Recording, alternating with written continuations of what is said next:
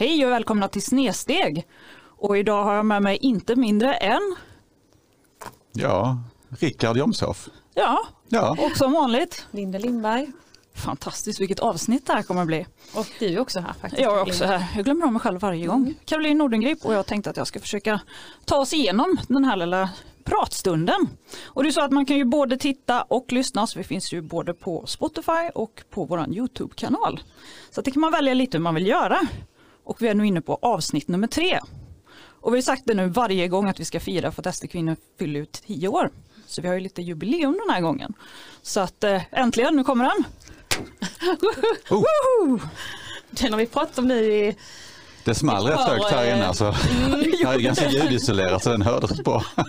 Den hördes faktiskt mer än vad jag trodde att jag skulle.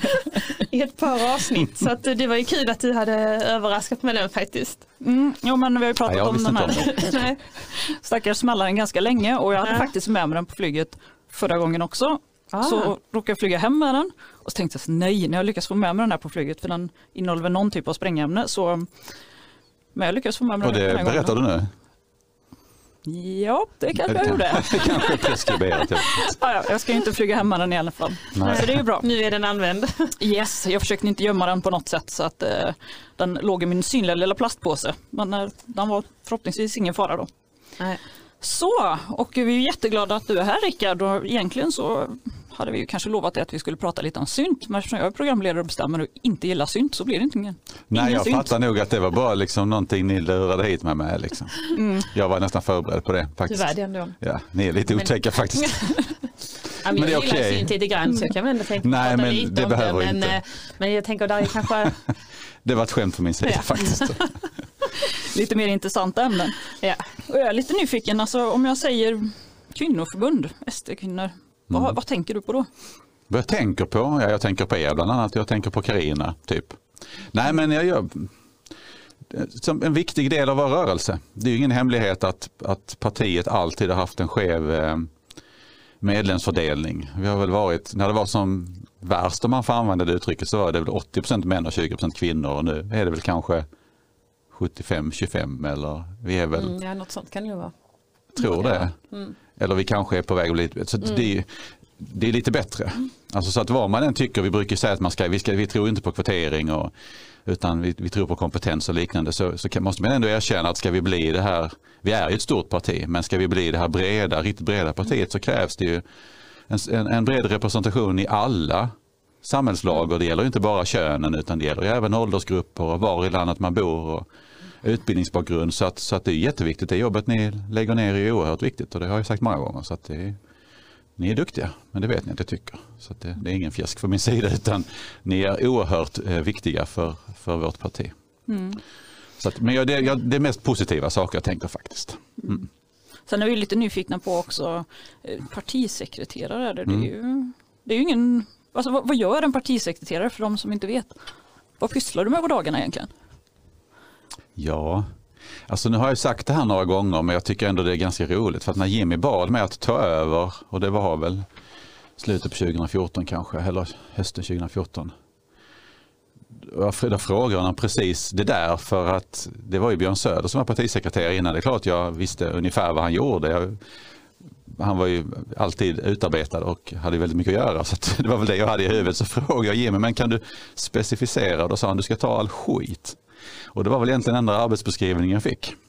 Lite skämtsamt men, nej men vad har jag gjort? Alltså de här åren har jag ju framförallt ägnat väldigt mycket åt organisationsbygget. Och det är väldigt mycket tid som har lagts på tjänstemannaorganisationen. Um, när vi kom in i riksdagen 2010 är det ju ingen hemlighet att vi, hade, alltså vi skulle bygga upp ett riksdagskansli för första gången.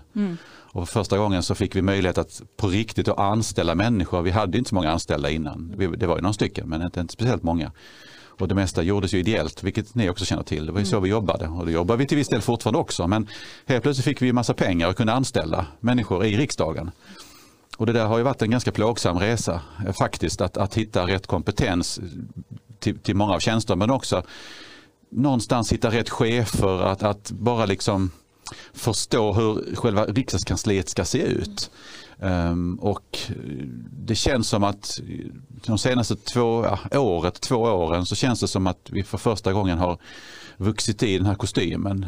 Vi har väl idag uppemot 75 anställda totalt i partiet och tjänstemannaorganisationen, det är klart det finns fortfarande saker som kan bli bättre. Men mm. i det stora hela tycker jag att den fungerar väldigt bra. Vi har väldigt bra chefer och jag tycker att det flyter på smärtfritt. Och, så där har jag lagt mycket, mycket av min tid och det handlar också om att om man backar några år i partistyrelsen så satt vi och diskuterade saker som, alltså på, på alltså minsta detaljnivå som idag hanteras på delegation ute i tjänstemannaorganisationen så att vi kan mm. fokusera på politik och viktiga mm. saker. Så där har jag lagt mycket tid men det är såklart också på eh, då den andra delen har ju handlat mycket om att försöka jobba mot distrikten och föreningarna, att stärka dem. Och, och det är ju ett mycket svårare jobb eftersom att en, det är en sak att vi kan, vi kan anställa rätt människor. Um, om man inte sköter sig, ja men då hittar vi kanske någon annan. Men, men partiorganisationen ute i landet är ju en medlemsorganisation som bygger på våra aktiva medlemmar. Och medlemmarna lokalt väljer sina företrädare och de kan ibland ha ett väldigt stort hjärta men de kanske inte har stor kunskap om vad politik egentligen innebär. Och där ligger en utmaning, att, att försöka få kommunföreningar och distrikt att springa ungefär jämnt. Vilket mm. de inte gör idag för vi har ju distrikt som har funnits länge som är jättestarka som har flera anställda som har koll på hur det funkar och andra distrikt som, som har betydligt sämre förutsättningar ekonomiskt och då kan man inte anställa och så vidare som kanske inte varit med lika länge. Så att där ligger också väldigt mycket av min tid att, att jobba med det. Mm. Och det är väl, ja, och ta skit då som Jimmy säger.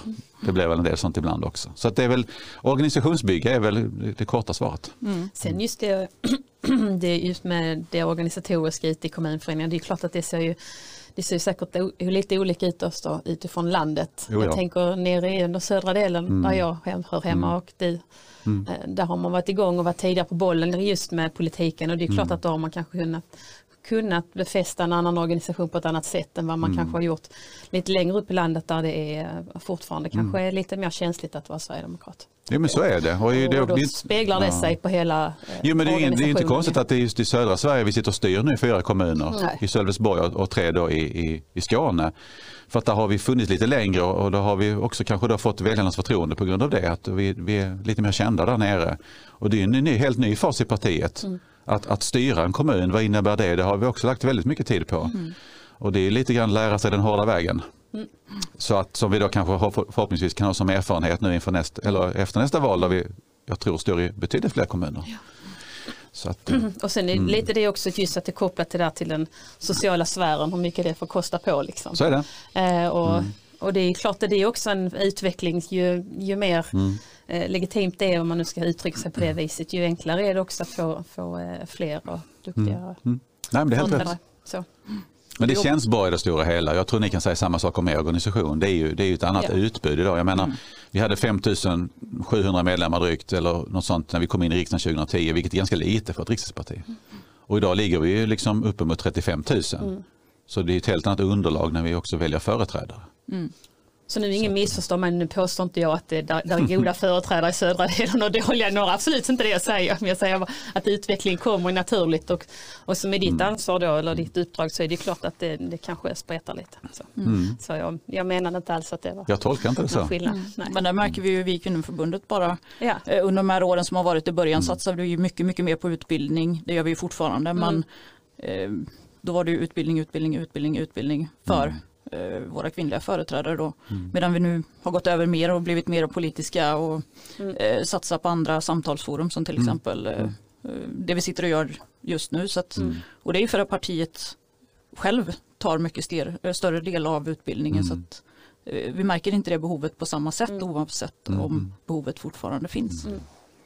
Det... Sen har väl ni också blivit en naturlig ingång också för många kvinnor kan jag tänka mig. Att man tar de första stegen ner mm. del av partiet innan man går vidare. Mm. Ja, men så och det är visar det också hur viktig mm. den är. Mm. Ja, det syns ju många gånger på våra träffar att, det, att vi är den första kontakten med mm. partiet och att man eh, vill liksom mm. komma till oss och känna av och kolla vad är det för några som sitter där och vad säger de egentligen. Och, och sen efter det så tar man kontakt med sin kommunförening och sen så blir man då aktiv. Så, att, så där har vi ju en viktig roll att fylla i det, att vi är goda representanter och fångar upp. Jag tänkte vi ska smyga in lite grann på dagens, ett av dagens samtalsämnen. Och vi har ju fått en, eh, en ny språkrör, eventuellt eh, också kommande minister. Det får vi se, Märta Stenevi. Och hon gick ut eh, ganska hårt med en gång där och ja, kvinnohatare blev vi kallade till och med. Hur ler Rickard lite grann här? Jo, ja, ni hatar er själva då eller? Jag vet inte. och då frågar varför, varför tycker ni det då? Nej men det är hur ni behandlar era kvinnliga parlamentariker. Mm. Det, okay. det, känner du igen dig på något sätt i det? Nej. Jag blev ganska chockad faktiskt när jag satt och kollade Agenda och så bara, vad säger hon? Jag tänkte först att ja men här har vi, ja, men hon verkar ju lite jordnära och lite vettig och så. Nej, nej, nej det var det inte nej. Det gick hårt ut med en gång. Mm. Jag tror nog att vi behandlar varandra förhållandevis lika faktiskt. Mm. Det är min bild. Absolut. Sen är vi inte mer människor men att eh, i det stora hela tycker jag nog att, nej, jag vet inte, att vi har en ganska mm.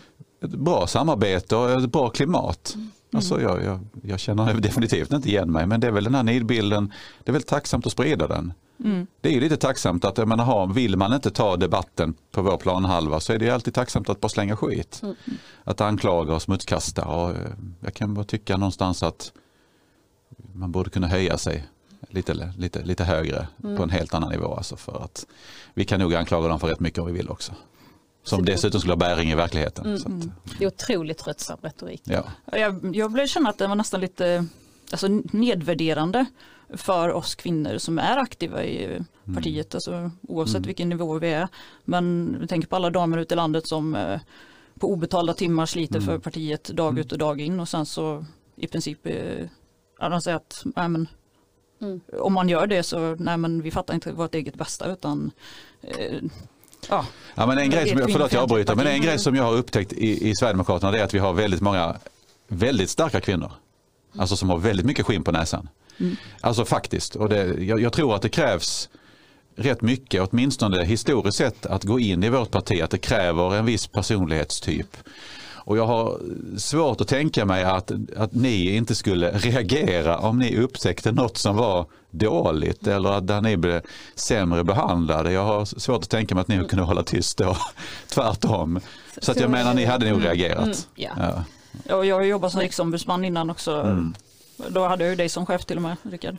Eh, och, alltså, då var vi runt hela Sverige hela tiden och jag har aldrig jag har aldrig mött den här bilden mm. från kvinnliga företrädare att det här skulle vara ett problem eller att det skulle vara eh, de känner verkligen inte igen sig.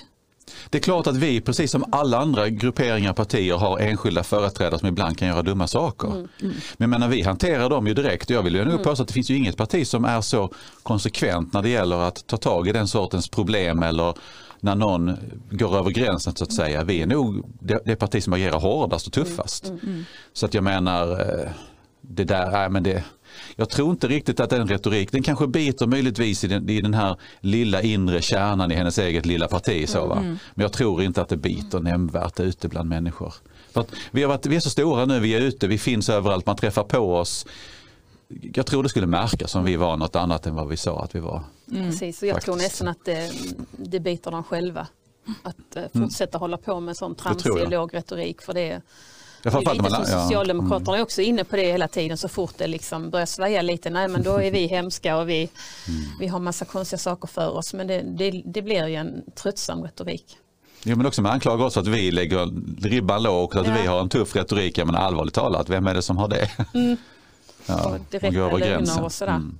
Man lägger ju ändå väldigt mycket eh, krut på just det här med eh, att måla ut oss som kvinnofientliga och att försöka hålla de kvinnliga väljarna mm.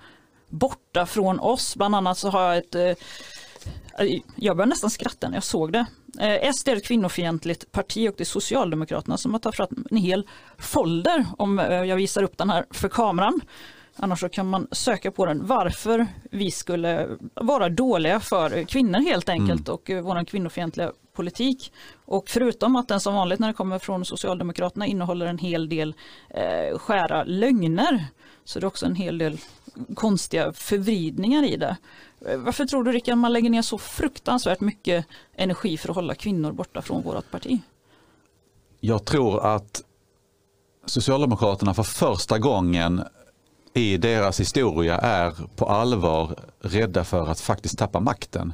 Om vi tittar på, en, en liten utsvävning här först bara, om vi tittar på tidigare borgerliga regeringar, till exempel mm. när Reinfeldt eh, styrde, statsminister. Eh, alltså, historiskt sett så har, har, när man, vi har fått, eh, när det har svängt mellan vänster och höger så har de förändringar som har skett har ju i det stora hela varit ganska små.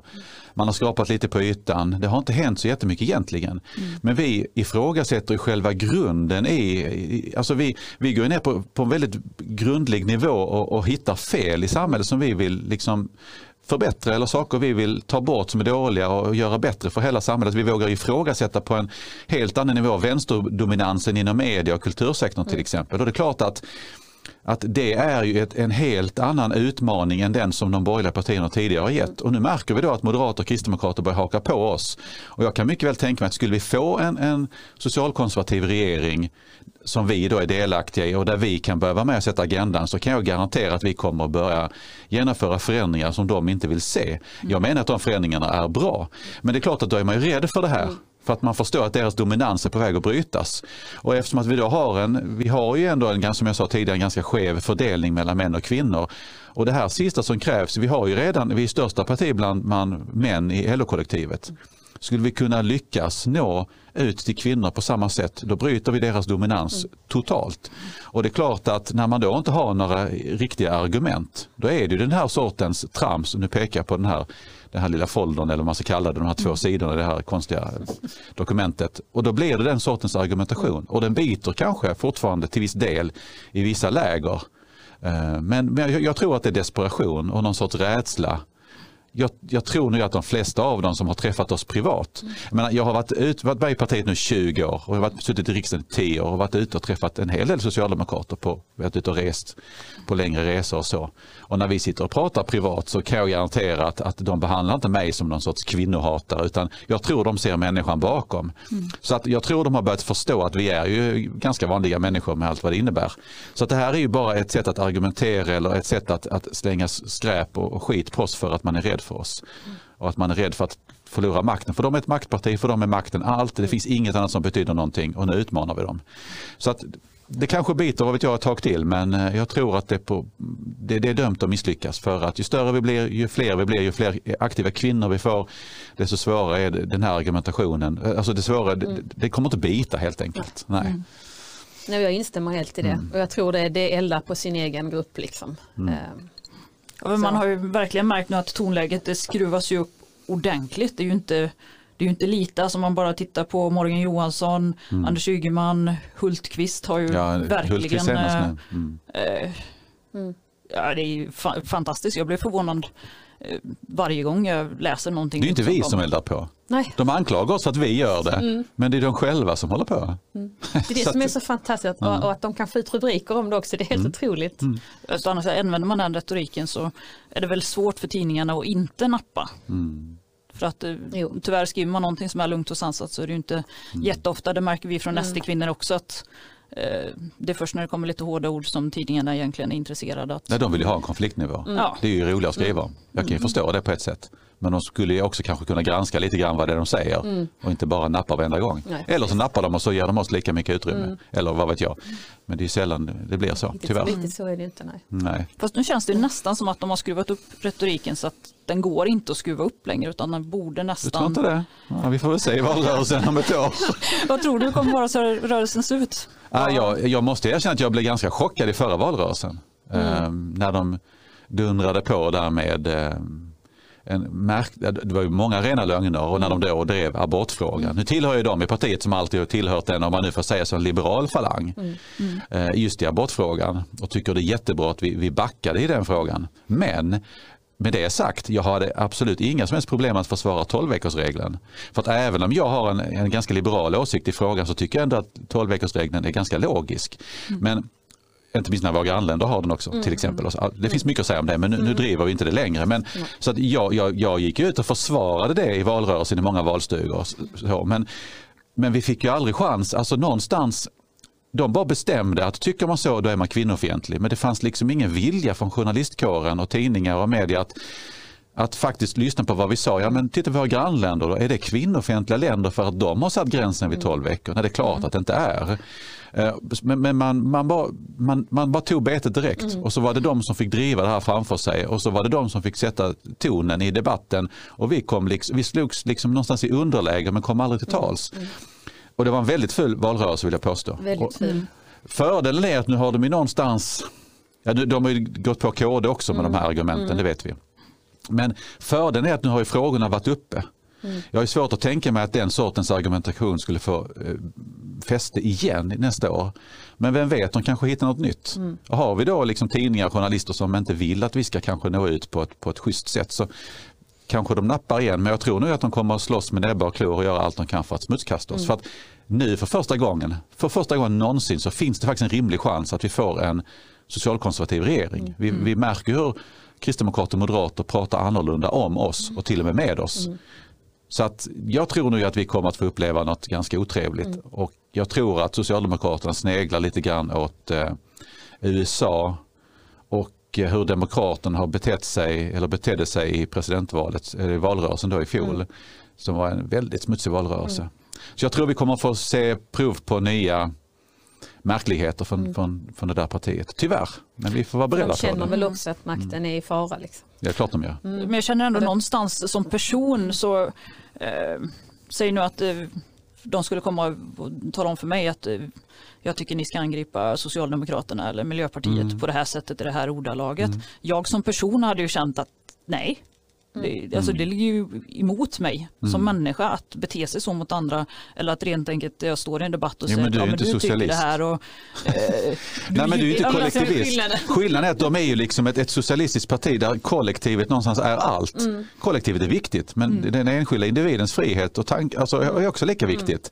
Och det är det som är vår styrka.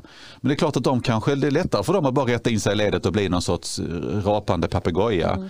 Så att det är väl bra att du tycker så. Jag menar det visar att du är ju en människa människa med stark integritet så det är väl positivt. Det är kanske är därför som många Socialdemokraterna har flyttat över till oss nu då? För kanske. De... Ja, ja, jo, det mm. kanske ligger något bakom det. Mm. Ja, men någonstans, alltså, det är mig personligen igen då, men jag hade ju känt att hade jag haft ett parti mm. med den retoriken så hade jag ju skämts på något sätt. Alltså mm. Jag hade inte velat tillhöra en del mm. eh, av den skaran som beter sig på det sättet. Mm. Och de, alltså, det man ser nu i princip varje dag nu så kommer det nya tongångar i tidningarna mm, mm. som bara blir värre och mm. värre och värre. Och, mm. mm. Någonstans så var, var är taket liksom? Var, var tar det här slut? Känner jag. jag ställa mig frågan så här också. Är det rent retoriskt? Eller tror de verkligen? Alltså jag, tror de verkligen genuint själv på det de liksom... Vissa nog gör nu det kanske. Alltså det, är så ja, men det är också lite märkligt för att men så länge som, som Jimmy Åkesson, ja det gick ju mm. faktiskt Hultqvist ut med det också. Mm. Jimmy sa ju någon gång i oktober och det var ju kopplat till det här sveket igen då från sossarnas sida kopplat till eh, invandringspolitiken mm. när han sa, eh, Jimmy sa någonting att jag ska, vi ska kriga för att, jag minns inte exakt hur han sa, men han menar ju naturligtvis att vi ska stärka vår retorik, vi ska, vi ska bekämpa er med ord och med, med argument inom mm. demokratins ramar. Det fattar man ju att Jimmy mm. menar, men man är ju dum i huvudet annars, mm. ursäkta. Men och så, så, då vill man ju få det till att Jimmy då menar att vi ska starta krig. Mm. Ja. Typ. Men vi har ju, det är inte vi som är våldsamma, det är deras ungdomsförbund tillsammans med diverse vänstersektor som har attackerat oss på torgmöten med diverse tillhyggen genom åren, framförallt om vi, backar några år i tiden. Och när dessutom Stefan Löfven till exempel gick ut, när var det, 2014 i valrörelsen där och sa någonting i stil med också att jag ska minsann kriga för vår överlevnad, eller hur han uttryckte mm. sig, då är det legitimt. Men jag tror inte Löfven menar att han ska skjuta oss. Jag tror att han menar helt enkelt att vi ska kämpa för vår existens och det har ni rätt att göra mm. inom demokratins ramar. Så att det är en oerhörd dubbelmoral det där mm. också. Det finns många av dem som använder exakt samma mm. retorik. Då är det okej. Okay. Men när vi gör det, ja men då är det 30-tal, ja ni vet, mm. allt det här. Mm. Patetiskt. Ja, men det använder man ju samma retorik om alltså idrottsklubbar om man ska ut på en match eller liknande. Det är ju ja, är ingen klart. som menar att de ska slå ihjäl andra laget för det. Det hade ju blivit eh... Nej, det är jättedumt. Man, säger, man uttrycker sig så, nu krigar vi för vinsten liksom. Ja det är klart. Mm. Och så ett litet leende som du har nu. Fantastiskt. Eller Kan vi inte ta det på allvar? Du menar man att man ska ha ihjäl de andra liksom? Ja, du ser inte jättevåldsam ut faktiskt. Nej, eller hur, jag gör inte det. Ni som sitter och lyssnar, nej hon ser inte våldsam ut. Jag, jag nej, garanterar det. Jag har svårt att se våldsam ut tror jag. Mm. Ja, faktiskt. En annan sak som vi är lite nyfikna på, eh, du är ju lärare också. Ja, i grund och botten. nu är det ett tag sedan jag undervisade mm. i och för sig. Men... Ja. Eh, men, eh, och du fick ju lämna yrket som jag har förstått på grund av... Eh... Det fick jag vid några tillfällen, ja. Mm. Mm. Hur ser det ut idag? Har du någon aning om det har ändrats? Jag vet inte. Alltså jag hoppas att det har ändrats. Det var för ett antal år sedan, eller det kanske var när vi kom in i riksdagen, så var det någon liten lokal artikel i en av tidningarna hemma där lite lokalpolitiker fick, lokalpolitiker fick uttala sig att typ om Rickard hade sökt jobb idag, vad hade ni tyckt då? Ja men det är klart han ska få jobba som lärare. Typ så. Det var en jättegullig artikel, lite märklig men så lite smågullig. Jag hoppas någonstans att det inte hade varit några problem men jag tror nog ändå någonstans att, att på många skolor hade det nog blivit så ändå. Mm. För att det, det finns, alltså det, det, det, ofta när det kommer från människor på vänsterkanten och även då i, i vissa liberala kretsar så pratar man ju ofta om åsiktsfrihet och yttrandefrihet, alla människors lika värde. Ja, ni vet ju, mm. det, är, det är ganska slitna uttryck från deras sida. Mm. Men det betyder ingenting för att det gäller ju bara dem själva. Eh, jag tror att i, i många fall så tror jag att det hade varit svårt. Jag tror man hade fått rätt mycket skit tyvärr. Och jag vet att andra har ju också vittnat om att det fortfarande då är ganska problematiskt ibland och att det kan vara ganska obehagligt emellanåt. Och det finns ju partimedlemmar som jobbar som lärarvikarie eh, ganska nyligen som har, inte har fått jobba vidare när de har mm. fått reda på vem de är. Så att det gäller ju inte, alltså, kanske inte snäppet bättre men jag mm. tror nog att problemet fortfarande kvarstår och det är ju väldigt problematiskt för att någonstans det mest grundläggande förutom att såklart undervisa elever oavsett nivå i en, i en viss fråga, det spelar ingen roll om det är historia eller svenska eller vad den är, så är det också att man som lärare ska förmedla ett sorts demokratiskt arv. Mm. Och hur kan man göra det om man inte till exempel vågar tala om vad man tycker och tänker egentligen eller där vissa lärare då kanske blir misskrediterade eller inte får jobba som lärare mm. för att de har viss åsikt. Så att jag tror problemen finns där tyvärr. De ligger, jag tror inte bara de finns på skolområdet, de finns nog i stora delar av vårt samhälle. Det finns många som har vittnat om det. Mm. Och det är också någonting jag vill bryta. Mm. Jag tycker, och det vet jag att vi vill, för att vi, vi har en annan syn på det. Så att om det är någon som ser till människors lika värde så är det väl vi i så fall. Jag kan, har svårt att, jag skulle aldrig döma en annan människa. Jag menar, du får tycka vad du vill som lärare mm. så länge du är en duktig lärare. Jag skiter fullständigt i var du kommer ifrån politiskt. Liksom. Man får ju och se på lärargärningen.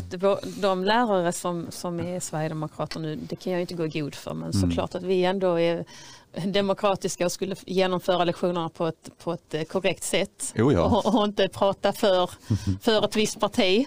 Men det ser ju mm. tyvärr inte ut så. Nej, jag har haft själv lärare som har varit ja. väldigt tydliga med vad de mm. tycker. Och, så. och det var inte så länge sedan heller jag fick mm. information om det, just att man står och eh, informerar och pratar illa om, om, eh, om vissa partier och pratar bättre om andra partier och det blir ju mm. ett, ett demokratiskt problem speciellt ja. när det är högstadiet och, och äm, eleverna börjar och se sig om efter de olika mm. politiska alternativen och man ska mm. in och börja och kanske ansluta sig till något uh, ungdomsförbund kanske och, och när det då mm, står en lärare och pratar om att det där är ett dåligt alternativ det är ju klart att och kanske framförallt tjejer då som mm. är kanske lite mer att man vill mm. göra det rätta och tillhöra det rätta. Att mm. man eh, då, ja men okej, nej, nej men då, då mm. tar jag det här valet då. Mm. Det ligger nog mycket det. Mm. Jag har, sett, jag har också stött på de problemen många gånger. Mm. De finns där ute. Men då låter man det bara passera. Det är märkligt. Jag vet, när vi hade Jimmy hemma i Bollebygd så var det en tjej som sa att nej men vi ska vara precis jämte skolan så att jag, jag kan inte hjälpa till för om någon om när de andra ska hämta sina barn och om de ser det så kan mina barn locka illa ut i skolan och bli mobbade. Och, mm. Eh, så, så, det är ett demokratiskt mm. problem ja. Klart det mm. Men sen eh, förutom, förutom att koppla bort det politiska rent så, så ser vi också att det är många lärare som har ganska så tuff skolmiljö. Så är det. Um, det har hänt mycket också. på mm. inte så väldigt många år. Mm. Där tycker vi att vi, man borde öka stödet faktiskt för de lärare som som hamnar lite i kläm i skolan. Mm. Ja definitivt, där har vi en utmaning. Alltså, mm. Det är inte bara skolans område. Jösses, skulle vi verkligen få chans att styra Sverige, men det är så mycket som har gått så otroligt fel mm. så att man blir mörkare. Jag blir mörkare ibland faktiskt. Mm, vad skulle du ta tag i först då? Ja, jag vet inte. Ja, för du menar förutom att stänga gränserna?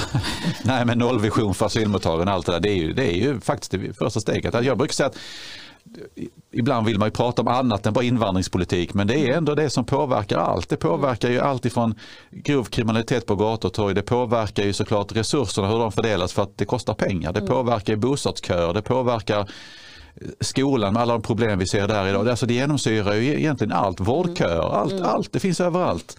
Så det är ju det första vi måste göra. Mm. Um, så, det finns jättemycket. Um, jag vill inte de pratar i USA, jag vet inte om ni har uppmärksammat det, men vissa demokrater har ju sagt att de vill ju avprogrammera eller omprogrammera Trump-supportrar. Och det är, det är också ett sätt att se på andra människor när man har den. De tycker att de är goda. Eh, skulle vi komma till makten så skulle jag bara vilja demokratisera, att, att fler får komma till tals, mm. att, att bredda åsikterna. Och, jag menar, ibland när jag har fått frågan flera gånger om varför vi då är kritiska till public service. Nu, nu står vi bakom public service som idé och så. Mm. Men vi har ju också varit kritiska till många inslag. Och då säger de, ja men ni får väl lika mycket utrymme som alla andra. Jo, det har blivit bättre. Jag menar jämför man eh, hur det ser ut idag jämfört med 2010 när vi kom in i riksdagen så det är klart att vi behandlas på ett helt annat sätt idag. Mm. Så är det. Mm. Men det är fortfarande så som jag brukar säga att vi, det finns ju inga sverigedemokrater i, som, som blir sommarpratare. Eller som sitter i de här morgonsofforna. Eh, utan det är ju fortfarande de här vänstermänniskorna, liberala, de här goda människorna. Mm. Så att nej, vi behandlas inte lika och det tycker jag nog inte är det första vi ska göra. Det är att försöka öppna upp och, och bredda de åsikter som mm. faktiskt människor får ta del av i, i tv-soffan till exempel. För det är, det är en jätteviktig åtgärd mm. för att bredda debatten. Mm. Är det, jag håller helt med. Mm. Såklart eh, just öppna upp för demokratin att där inte är, mm. man kan tycka olika och det är helt okej okay att tycka olika men det. där är heller samtidigt ingenting som är rätt och fel i den bemärkelsen. Mm. Utan, eh, nej, inte i ett demokratiskt nej, perspektiv. Precis, nej. nej. Sen tycker man ju klart. Ja, sen kan jag tycka att de har jättefel. Jag, nej, såklart. du tycker rätt, vi, vi är bättre. Men det får ju de andra tycka att de är också, det är helt okej. Okay. Mm. mm. Och det har varit ganska viktigt. Det har varit ganska bra med alltså, sociala medier att man att eh, vi har ju haft andra utrymmen just än alltså, mm. de etablerade medierna att ta plats men även där ser vi nu att eh, det börjar begränsas och det är några av våra företrädare som blivit nedstängda. Och, mm. Fast det är ju ingenting i Sverige. Återigen i USA, jag har följt det där noga. Alltså för att det som händer där är riktigt, riktigt läskigt. Alltså det är tusentals, kanske tiotusentals människor som har blivit avstängda från sociala, de sociala plattformarna som är konservativa människor mm. Eh, som befinner sig på den, den sidan så att säga. Eh, man har gett sig på enskilda företagare för att stänga ner deras verksamhet för att de har stöttat Trump. Man pratar om att eh, hela den här organisationen, det var ju tusentals anställda som jobbade i eh, Trump-administrationen som man då ska ge sig på och säkerställa och man pratar om att de ska minsann inte få något jobb igen. Och, alltså en sorts hämndaktion mot mm. dem för att de har tyckt på ett visst sätt och jag är ingen Trump-supporter egentligen. Jag tycker de är bättre än Demokraterna men, men att bete sig på det sättet det är ju så lågt. Mm. Men det är ju ingen som verkar bry sig om det. det är, svensk media pratar ju inte om det. Ungefär som att det är legitimt att man beter sig på det sättet. Det skrämmer mig däremot riktigt, riktigt mycket. För att jag, kan, jag, jag tror att, att den här höjda tongången från sossarnas sida igen och den oförskämdhet som de, som de svänger sig med. Jag tror att det är en följd. De, de tittar också på vad som händer runt om i världen. Mm. Går det i USA men det kanske går här. Mm. Så att eh, jag tror vi kan förvänta oss tyvärr ett och annat och jag, vi kommer nog, eh, det är just det här med de sociala medierna, det, det återstår att se men jag kan tänka mig att det kan hända en del otäcka saker där faktiskt. Mm. Där man försöker stänga ner sådana som mm. oss till exempel. Mm. Jag tror det. Jag hoppas inte det men jag tror Nej det. men det, mm. händer det då mitt i en valrörelse och det, det är ju det är riktigt illa. Det är ett effektivt vapen. Ja, mm. mm. men det är det. Mm. Men jag tänkte vi snart ska runda av med lite slutfrågor här. Mm. Eh, men vi har även fått in två stycken eh, tittarfrågor. Får jag ta en karamell här? Ja, och du får ta bullar och fika. Kokofant eller skumraket eller vad det heter. Ja. jag trodde att det var en kokofant men det kanske är en skumraket.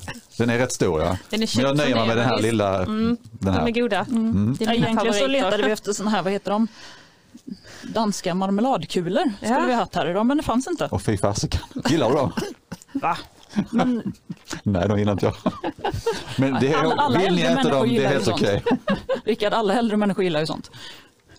Jag hörde inte där sista. Oh vad den var låg. Oh, skämt, skämt åsido. Vänta bara, det kommer Ja, en avstängning. det kommer, det Då kommer. jäklar. Du får fika lite grann här. Linda, vi har fått frågan varför heter det snedsteg och varför Mm. är kvinnosymbolen tiltad till vänster? Vi Mm. tog upp det här lite grann i avsnitt noll. Ja men titta där, det är det ju faktiskt. Ja. Nej men eh, det har vi tagit upp men eh, det kan vi gott eh, prata lite till om för det kommer in, eller har det kommit in någon som har undrat. Ehm, och det kanske inte är rakt synonym men just vi vill belysa de snedsteg som faktiskt görs i samhället eh, som begås av eh, våra eh, politiska motståndare skulle man kunna säga. Eh, och rätta till det. Och inte minst när man tänker på jämställdhetspolitiken och feminismen då. Så det är därför som eh, kvinnosymbolen tilltar lite åt vänster.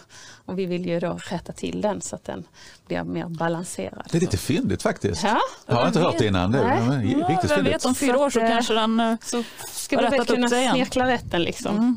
Lite konservativ fem, bara. feminism. Eller det är hur? mer sånt vi vill säga. Fast vill vi rätta upp, alltså vi vill väl inte göra några misstag. Låt dem göra, begå de här Ja, ja, misstagen så den kan ju tilta så. Mm. Så får vi skriva liksom jag vet inte, vi får väl döpa, om det sen då. Ja. ja, men jag tycker det, det är ett fyndigt namn faktiskt. Det är det.